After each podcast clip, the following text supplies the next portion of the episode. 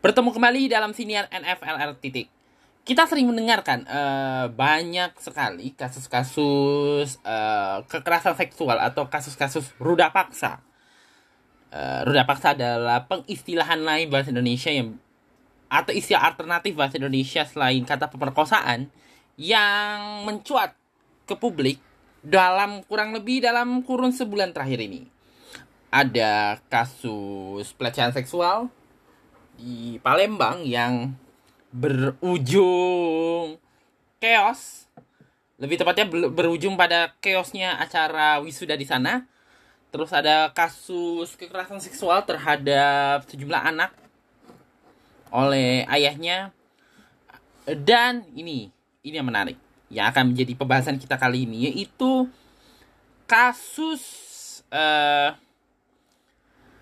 Ruda paksa atau kekerasan seksual yang dilakukan seorang pengasuh pondok pesantren. Gila. Pengurus pondok pesantren melakukan ruda paksa terhadap puluhan uh, muridnya atau santrinya dalam kalau istilah pondok pesantren kan santri ya, murid itu. 21 orang muridnya Kasusnya sudah diproses lama, tapi baru terungkap sekarang. Baru dibuka sekarang karena alasan uh, menjaga psikologi para korban dalam hal ini. Nah, terungkapnya kasus uh, ruda paksa yang dilakukan oleh si guru kita sebut saja pengasuh cabul ini ya karena tema utama senior kali ini kan pelin pelan sikapi uh, pengasuh cabul. Jadi uh, kasus ini si pengasuh cabul ini sekaligus membongkarkan satu hal, yaitu ramanya orang-orang atau beberapa pihak yang pelin pelan dalam menyikapi kasus ini. Seperti biasa, gue mulai dari kronologis. Walaupun mungkin kasusnya uh, terungkapnya sekitar baru enam bulan sebelumnya sudah ter sudah dipros sudah uh, diproses dua bulan sebelumnya, tapi baru terungkap sekarang. Tapi ya apa apa, kita bahas saja. Jadi ada jadi ada seorang uh, pengasuh pondok pesantren yang bernama Hawi. Nah, Bapak HW ini um, sudah menikah, uh, memiliki kalau nggak salah memiliki dua istri yang gue baca di kumparan.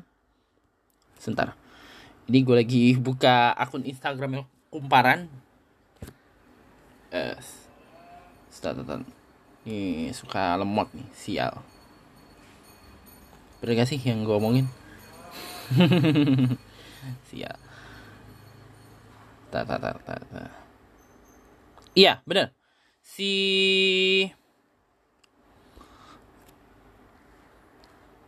Oh ini lain orang. Yang jelas beliaunya ini sudah menikah lah.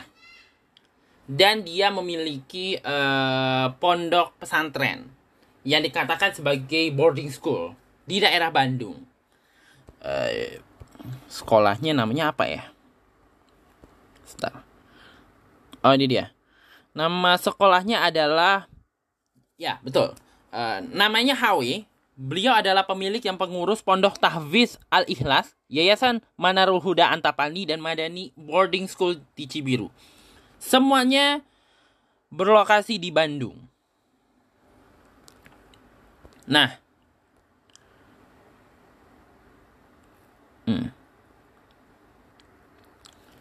dia memiliki banyak murid lah kira-kira gitu ya. Dan kebanyakan muridnya ini adalah wanita. Rata-rata usianya antara usia SMP sampai usia SMA ya kan? Karena kan pondok pesantren itu rata-rata yang masuk sebagai santri uh, sebagai murid di pondok pesantren itu kan rata-rata umurnya ya umur-umur SMP ya. Umur SMP itu 12 sampai 15 tahun atau uh, eh, SMA itu 15 sampai 18 tahun. Ya kira-kira segitulah. Nah itu tadi penjelasan awal mengenai Pak Heri Wirawan. Kok nama nama si setan? Ya Pak Hawi tadi sekarang kita langsung masuk ke kronologi kasusnya. Jujur gue nggak tahu kapan berdirinya uh, pesantren ini. Yang jelas kayak kalau dilihat dari tampilan bangunannya gitu kan segala macamnya sih kayaknya macam baru gitu ya. Jadi uh, sedangkan kasusnya ini yang menurut yang gue baca dari beberapa media berlangsung selama lima tahun. Jadi si apa ya si HW ini melakukan tindakan bejatnya ke santri-santri wanita ini dalam kurun waktu dari 2016 sampai 2021. Uh, eh, salah satu uh, modus yang terungkap dari kasus ini tuh adalah uh, korban uh, bukan korban ya pelaku itu membuka sekolah yang dikatakan adalah sekolah hmm, semacam sekolah yang tujuannya itu membantu siswa-siswa dari kalangan yang pendapatan ekonominya rendah lah yang agak kesulitan untuk memasukkan anaknya ke pesantren yang mungkin kan banyak ya pesantren-pesantren di Jawa Barat atau di beberapa wilayah di Jawa Tengah Jawa Timur. Wilayah Jawa tuh banyak banget pesantren. Tapi kan ada beberapa kebanyakan pesantren kan untuk bisa masuk sana kan memerlukan biaya yang cukup cukup lumayan lah untuk ukuran sedangkan banyak yang ingin mempelajari ilmu agama dengan lebih cakap tetapi tidak mampu karena karena terhalang masalah biaya tadi. Nah, Pak Hawi ini mencoba menjembatani dengan mendirikan apa ya, dengan memberikan fasilitas salah satunya adalah kemudian bahwa siswa itu nggak perlu membayar biaya apa pun lah untuk bersekolah di sana. Pada awalnya semua normal-normal aja gitu sebelum 2016 itu. Jadi semuanya normal, hampir nggak ada masalah segala macam. Tapi lambat lah un beberapa uh, santriwati itu udah mulai merasakan keanehan gitu kira-kira. Dan inilah yang terjadi kepada kira-kira ada 12 bahkan dilaporkan ada 21 santri wanita atau santriwati yang menjadi mangsa kebejatan si Hawi. Rata-rata mereka mengalami tindakan yang uh, pelaku melakukan aksi gak bisa dibilang bejat lagi, tolol justru malah gue pikir ke ini di melakukan rudak paksa kepada uh, siswa si siswi-siswinya itu di beberapa tempat. Ada di hotel, ada di rumah, ada di banyak deh. Ini gue lagi baca beberapa media masa gitu. Gue coba cari tahu ya. Di mana sih lokasi lebih tepatnya? Yang jelas di sekitaran Bandung lah tempat-tempatnya itu.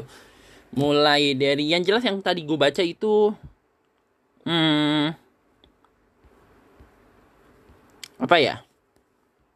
Ada beberapa tempat lah di Jawa Barat gitu. Tempat gua cari dulu. Gak ada di sini. Ya, yang jelas di beberapa tempat yang yang jelas gak nggak ada di lingkungan uh, pesantren gitu ya tapi bukan hanya uh, melakukan tindakan yang bisa dikatakan mencabut dalam tanda kutip kehormatan ini santri-santri watinya mereka juga mengalami dikatakan mengalami uh, apa tuh istilahnya kerja paksa. Melakukan apa yang dikatakan kerja redi. Sesuatu yang kalau kerja bakti memang memang biasa di di, di lingkungan pesantren. Yang gue baca-baca uh, referensinya juga banyak tapi ini kerja baktinya malah lebih arahnya kayak kerja beneran gitu kerja kerja beneran malah malah kerja yang gak sesuai dengan prosedur atau yang kita kenal dengan nama kerja rodi atau kerja paksa ini uh, uh, dugaan eksploitasi ini di, ke, yang ini ditemukan oleh teman-teman uh, lembaga perlindungan saksi dan korban. Temuan ini didapatkan dari salah satu uh, dari pelaku lebih tepatnya. Uh, ini gue baca kebetulan gue lagi baca dream.co.id. Uh, LPSK menemukan dugaan upaya eksploitasi anak pada guru pada kasus guru ngaji yang merudah paksa 12 santriwatinya di kota Bandung. Dalam hal ini uh, LPSK ya, ya dalam hal ini mendorong Polda Jawa Barat untuk untuk men, melakukan penyelidikan lagi terhadap uh, dugaan tersebut gitu. Apa ya? Dalam hal ini dugaan penyalahgunaan seperti eksploitasi ekonomi dan kejelasan mengenai aliran dana yang dilakukan oleh pelaku. Salah satu uh, salah satunya dikatakan adanya uh, ini kalau ini berdasarkan yang gue baca dari dari kumparan itu adanya mereka ada yang diker, disuruh kerja sampai tengah malam. Sesuatu yang tidak lazim lah untuk dilakukan oleh anak-anak berusia remaja. Ya anak-anak usia remaja kan selain belajar kan juga bermain bereksplorasi yang dunianya. Tapi mereka yang siswi madani ini dipaksa melakukan hal yang gak semestinya mereka lakukan dan bukan kewajiban mereka juga. Atas nama atas nama ketaatan. Jadi itu modusnya si uh, Hawi ini me, ini ikan anak-anaknya memaksa mereka kerja sampai malam, mengeksploitasi mereka, melakukan tindakan bejat yang tolol itu si Hawi ini, dia menggunakan satu kode yang menurut dia manjur, yaitu kamu mesti kayak gini. Misalnya ya, si korban, terus pelaku. Nah, korbannya bilang, Pak, saya gak mau, saya gak mau, saya gak gitu. Terus ini kamu, kamu harus ikut kata saya. Kamu harus taat pada saya. Kira-kira gitu. Nah, selain uh, melakukan eksploitasi pada anak ini, pada anak-anak santriwati ini, terutama yang jadi korban, dana-dananya beberapa korban, beberapa korban ini, dananya bahkan diambil oleh uh, Pak HW ini atas nama memenuhi kebutuhan pesantren. Yang jelas uh, ka karena uh, Madani pesantren-pesantren pesantren beliau ini menawarkan pendidikan yang tidak memungut biaya, maka secara otomatis anak-anak ini tentu akan menerima bantuan. Salah satu bantuannya adalah bantuan dari pemerintah yang kita mengenalnya dengan program Indonesia Pintar atau kartu Indonesia Pintar kita lebih mengenalnya.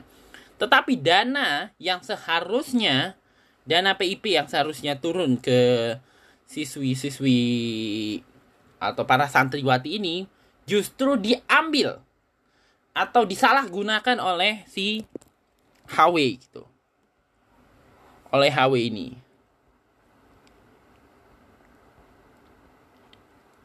Yang jelas uh, men, kembali dari LPSK juga uh, dikatakan oleh salah satu saksi pesantren pesantren ini sebenarnya mendapatkan uh, dana BOS dan juga dana PIP tadi, tetapi penggunaannya diyakini tidak jelas. Dan atas pertemuan ini eh, LPSK melakukan perlindungan atas kasus ini ya. Perlindungan terhadap 29 orang. Eh, termasuk di antaranya 12 korban dan juga beberapa pelapor pelapor sudah termasuk korban juga ya. Dan juga orang tuanya, serta saksi. Nah, habis itu uh, dari 12 yang belakangan 21 ini terdapat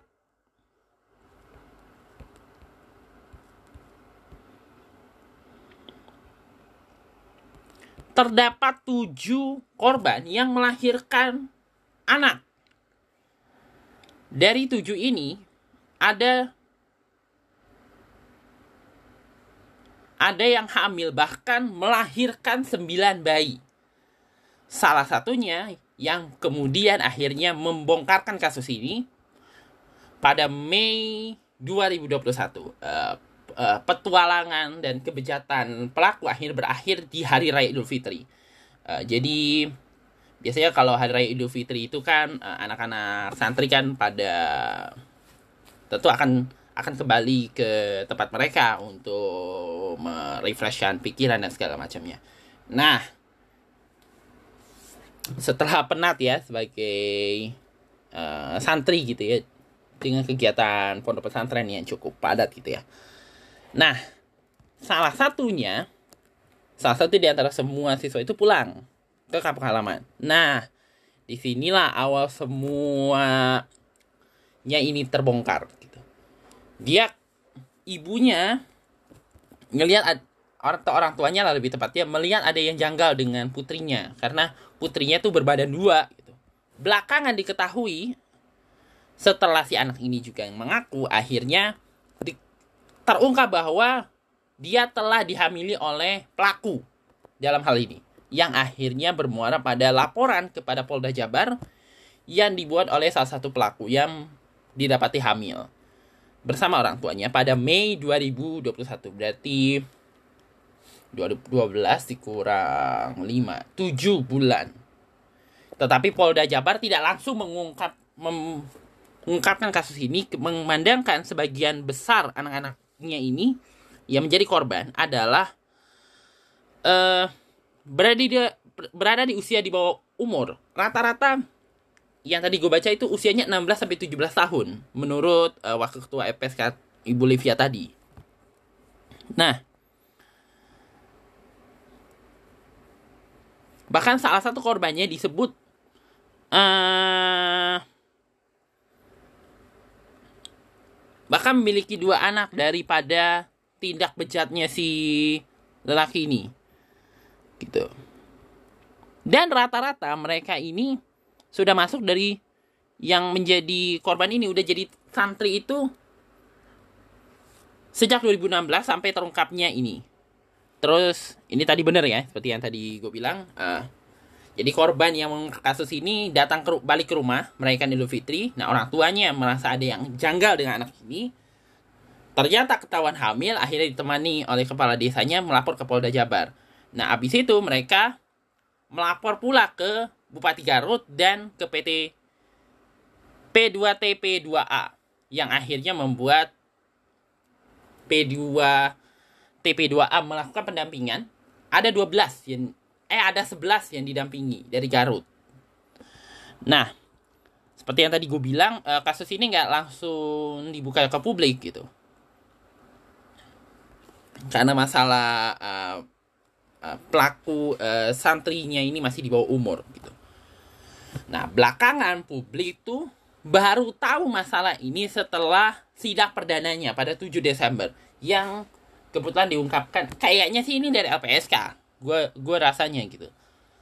Nah, gara-gara baru terungkap kasusnya eh, tujuh bulan kemudian publik ribut kebetulan saja keributan publik ini apa ya bersisian dengan salah satu kasus lain yaitu kasus uh, pemaksaan pengguguran anak uh, yang melibatkan seorang mahasiswi N dan juga seorang polisi bernama R yang mencetuskan huru hara di media sosial. Bahkan sampai gue menutup akun gue pada hari itu. Hari itu uh, kasus mulai ramai itu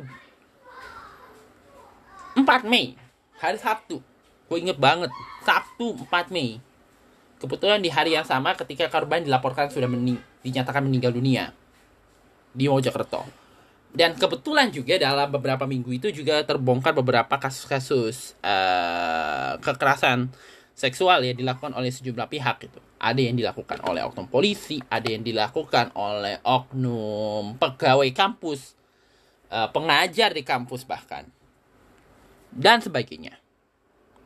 Nah, eh, setelah uh, terbongkarnya uh, kasus ini, uh, berbagai simpati juga hardikan untuk pelaku dan Ya, Hardika untuk pelaku dan simpati untuk korban itu berdatangan dari berbagai kalangan. Salah, termasuk juga di Jawa Barat tidak terkecuali. Uh, Ibu Atalia Kamil ikut turun Padang. Sebentar, ini bener gak sih yang gue omongin? Ya. Yeah. Uh, jadi uh, Ibu Atalia Kamil, istri Gubernur Jawa Barat yang juga ibunya Jawa Barat juga ikut turun tangan menangani ini. Ini juga Kang Emil sudah menyatakan sikap terkait dengan kasus ini. Uh, ini gue baca, ini kebetulan gue lagi buka uh, akun Instagramnya. Akun Instagramnya Kang Emil ini tujuh hari yang lalu berarti sekitar seminggu nih. Uh, terkait dengan berita ini, uh, berita HW ini ya. Berita HW ini beliau sudah menyatakan sikap. Ini sesuai dengan yang pertamanya ini juga udah benar sih sesuai yang tadi di kronologis. Pelaku sudah ditangkap polisi dan sedang diadili pengadilan. Tempat bersekolahnya sudah langsung ditutup. Sesuai dengan bahkan belakangan juga dicabut izinnya oleh Kementerian Agama. Dan juga oleh mungkin juga oleh pemerintah Kota Bandung juga. Dan dia juga berharap uh, pelaku dihukum seberat-beratnya. Ya, betul. Pelaku di hukum seberat-beratnya atas tindakan yang bejat ini. Terus anak-anak santriwati yang jadi korban yang 12 eh, atau 21 orang ini uh, udah diurus oleh tim DP 3 AKB Provinsi Jawa Barat untuk trauma healing dan sedang disiapkan pola pendidikan baru sesuai hak tumbuhnya. Dan ketiga, beliau meminta forum institusi pendidikan dan forum pesantren untuk saling mengingatkan jika ada praktik-praktik pendidikan yang ada di luar kewajaran. Juga beliau menghimbau uh, aparat setempat di level desa dan kelurahan agar selalu memonitor setiap kegiatan publik yang berada di wilayah kewenangannya.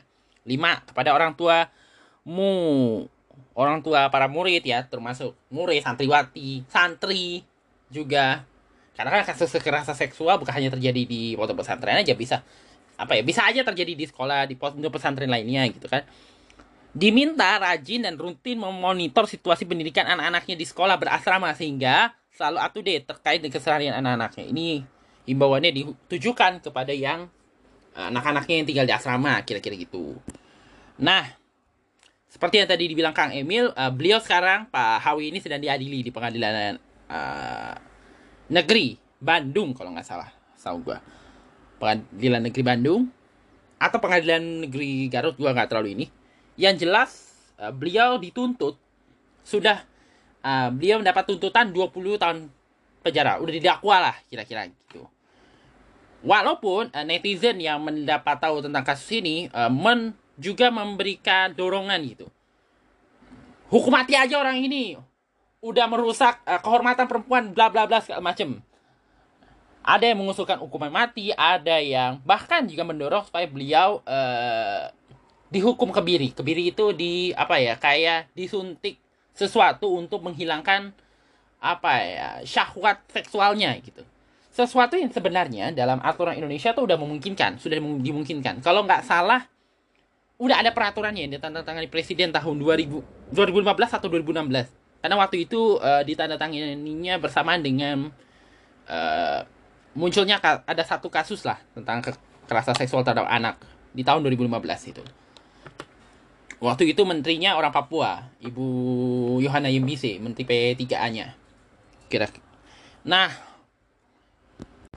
nah dari penjelasan ini aja udah kayaknya rapi banget ya penjelasannya walau agak penjelasan walaupun penjabarannya rada berantakan dikit uh, dari awal sekolah itu dibuka, abis itu murid-muridnya banyak yang masuk, abis itu mereka uh, gurunya melakukan apa yang dikatakan sebagai tindak pidana kekerasan seksual, mencabuli muridnya, habis itu ada muridnya diperlakukan gak ini, uangnya diambil, hak dia sebagai muridnya diambil, kehormatannya dia, dalam tanda kutip ya, kehormatannya dia juga diambil, kehormatan dia sebagai wanita ya.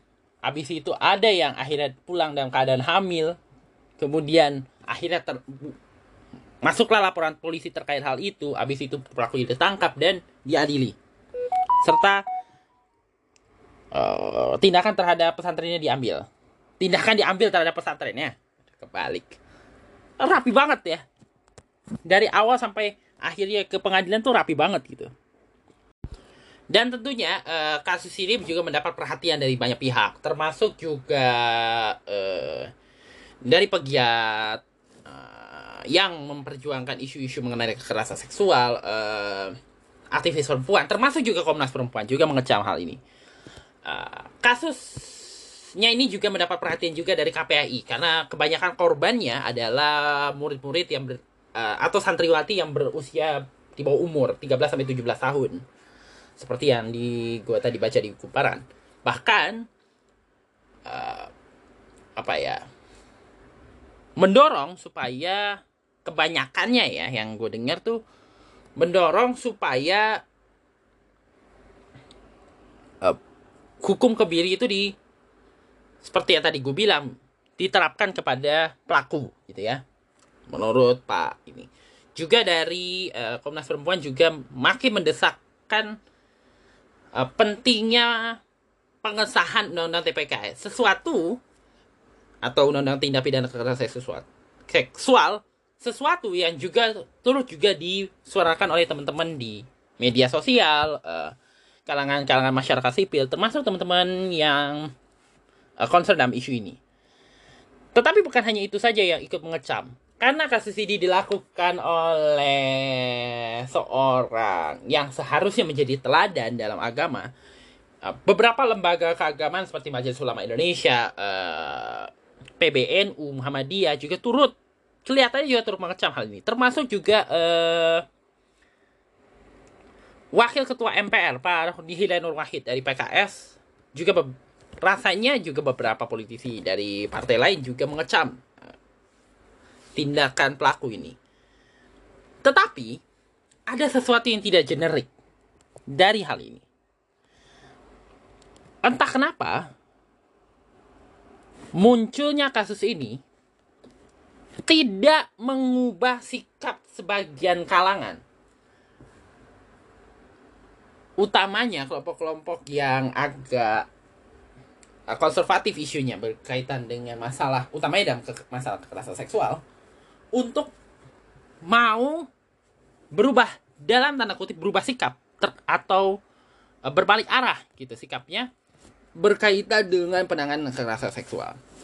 Dan sesuatu contoh paling nyata soal ini adalah pembahasan undang-undang TPKS di DPR. Uh, sebelum ini kan di episode uh, for your information, pembahasan mengenai kekerasan seksual ini udah udah tiga kali gue bahas di sini, sama dengan yang ini. Uh, sebelum ini gue bahas soal ekshibionisme di episode over pornografi. Uh, kemudian gue bahas juga di mana ya itu? Ah, di episode yang membahas Permendikbud 30. Uh, namanya kalau nggak salah menghalau kekerasan seksual sama dengan melegalisasi perzinaan. Tanda tanya. Yang gue mempertanyakan uh, diskursus yang diciptakan teman-teman ter, uh, teman-teman yang rada konservatif terkait dengan uh, sentimen mereka terhadap aturan yang mencoba atau berupaya mencegah kekerasan seksual di lingkungan ruang publik. Nah, ini yang kali ketiga gue bahas hal yang sama. Tapi kali ini, uh, sebelum ini di episode yang terakhir yang gue sebut itu, gue sempat bahas bahwa kalau nggak ada halang rintang, uh, undang-undang TPKS ini akan kalau kemungkinan besar bisa di ini di November. Nah, perkembangan terakhirnya terkait dengan undang-undang ini uh, sekitar ada sekitar seminggu yang lalu undang-undang ini telah resmi rancangan draftnya draft akhirnya sudah disetujui di balik di tingkat balik dan legislasi DPR. Uh, terdapat 8 fraksi yang mendukung ini termasuk termasuk di antaranya partai-partai yang sebelum ini sikapnya sedikit resisten terhadap Permendikbud 30. Kan sebelum ini gue sebut ya, ada beberapa partai yang agak sikapnya rada resisten uh, terhadap aturan ini. Yang sebenarnya, menurut gue ya, menurut gue pribadi, resistennya bukan karena aturannya, tapi lebih tepatnya sih, kalau menurut gue ya, karena menterinya, Pak Nadiem Makarim, yang kononnya bukan dari kalangan mereka. nah, partai-partai yang resisten terhadap Permendikbud 30 seperti P3, PKE, eh, PKS lagi PKS menolak ya nanti gue sebut uh, P3 PAN itu juga mendukung akhirnya mendukung uh, aturan ini. Ada 8 fraksi lah kira-kira. 8 dari 9 fraksi itu mendukung. Termasuk Golkar yang meminta adanya penjelasan lebih runtut terhadap beberapa aturan ini. Satu-satunya partai yang konsisten menolak adalah PKS. Padahal pimpinannya sendiri. Lucu nggak? Di satu sisi pimpinannya, pimpinan utamanya, kita anggap HNW, Pak Idanul Wahid ini udah pimpinan utama. Karena udah malah melintang di PKS lama kan. Kita anggap oh, tokoh utama PKS. Di satu sisi tokoh utama PKS yang mengecam tindakan yang dilakukan uh, oleh HW yang melakukan tindakan bejat itu ke murid-muridnya. Tapi di saat bersamaan, partai yang menaungi beliau malah tetap bersikukuh menolak aturan yang memungkinkan hal-hal yang sedemikian ini gak akan terulang di masa depan. Alasannya masih sama seperti alasan mereka gunakan di Permen 2030.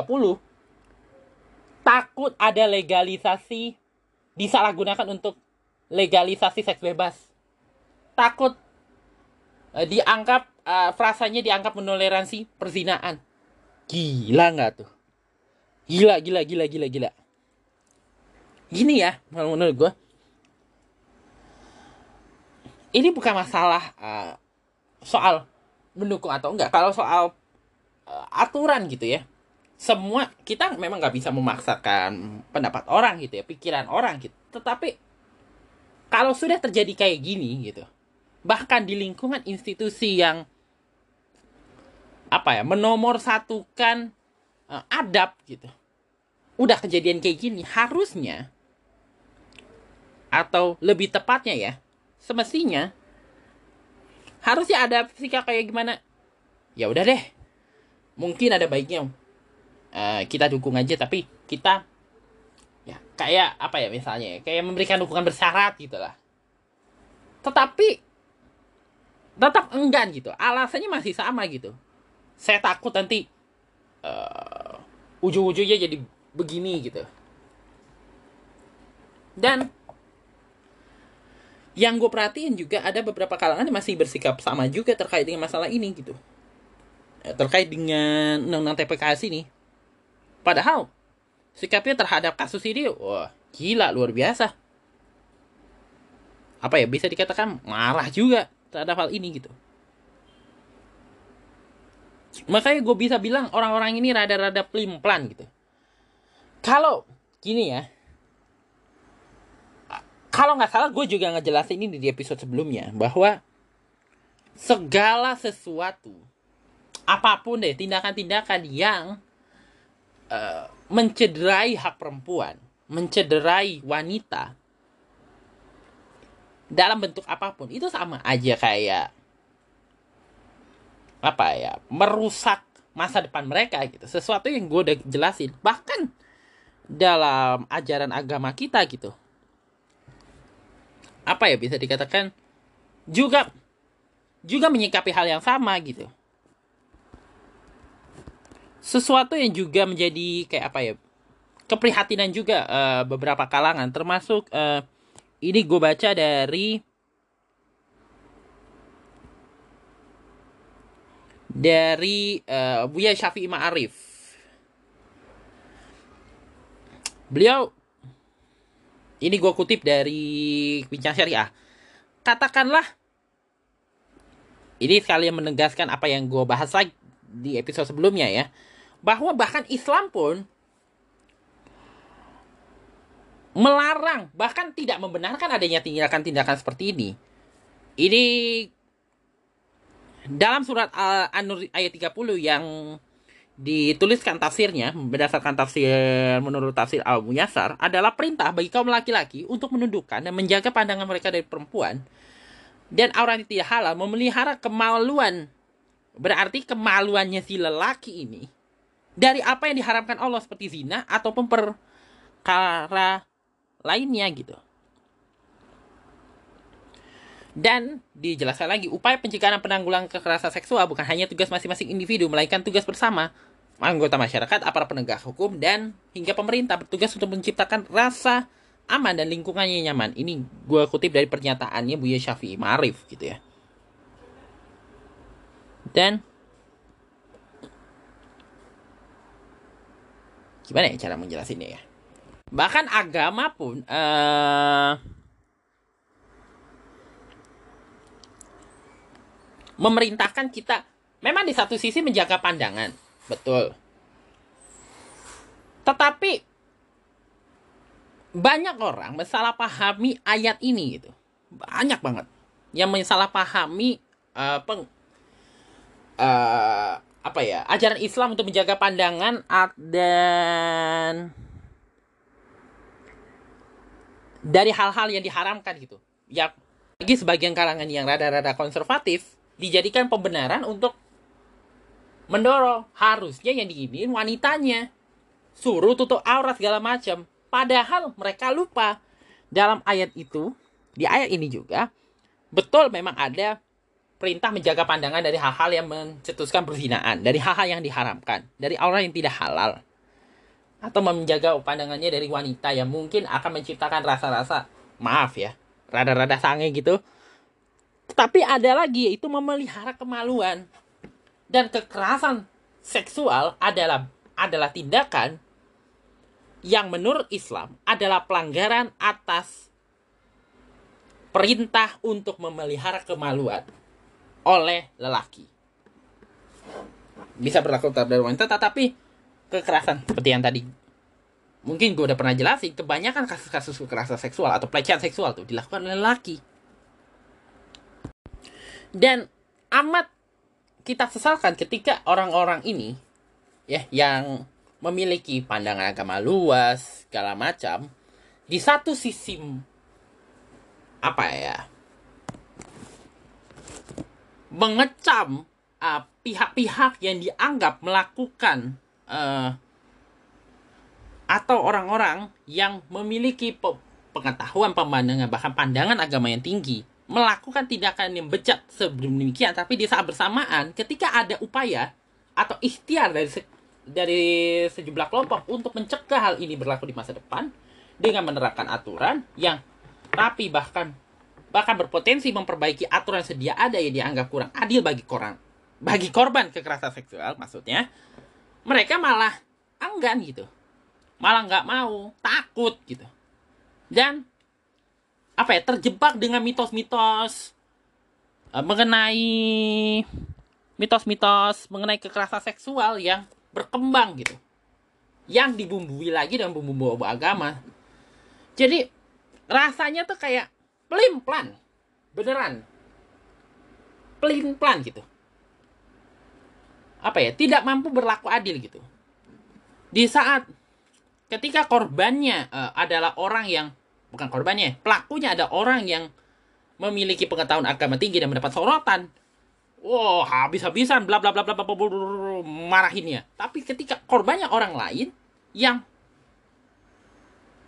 apa ya yang bukan termasuk orang yang bukan golongan mereka justru mereka kayak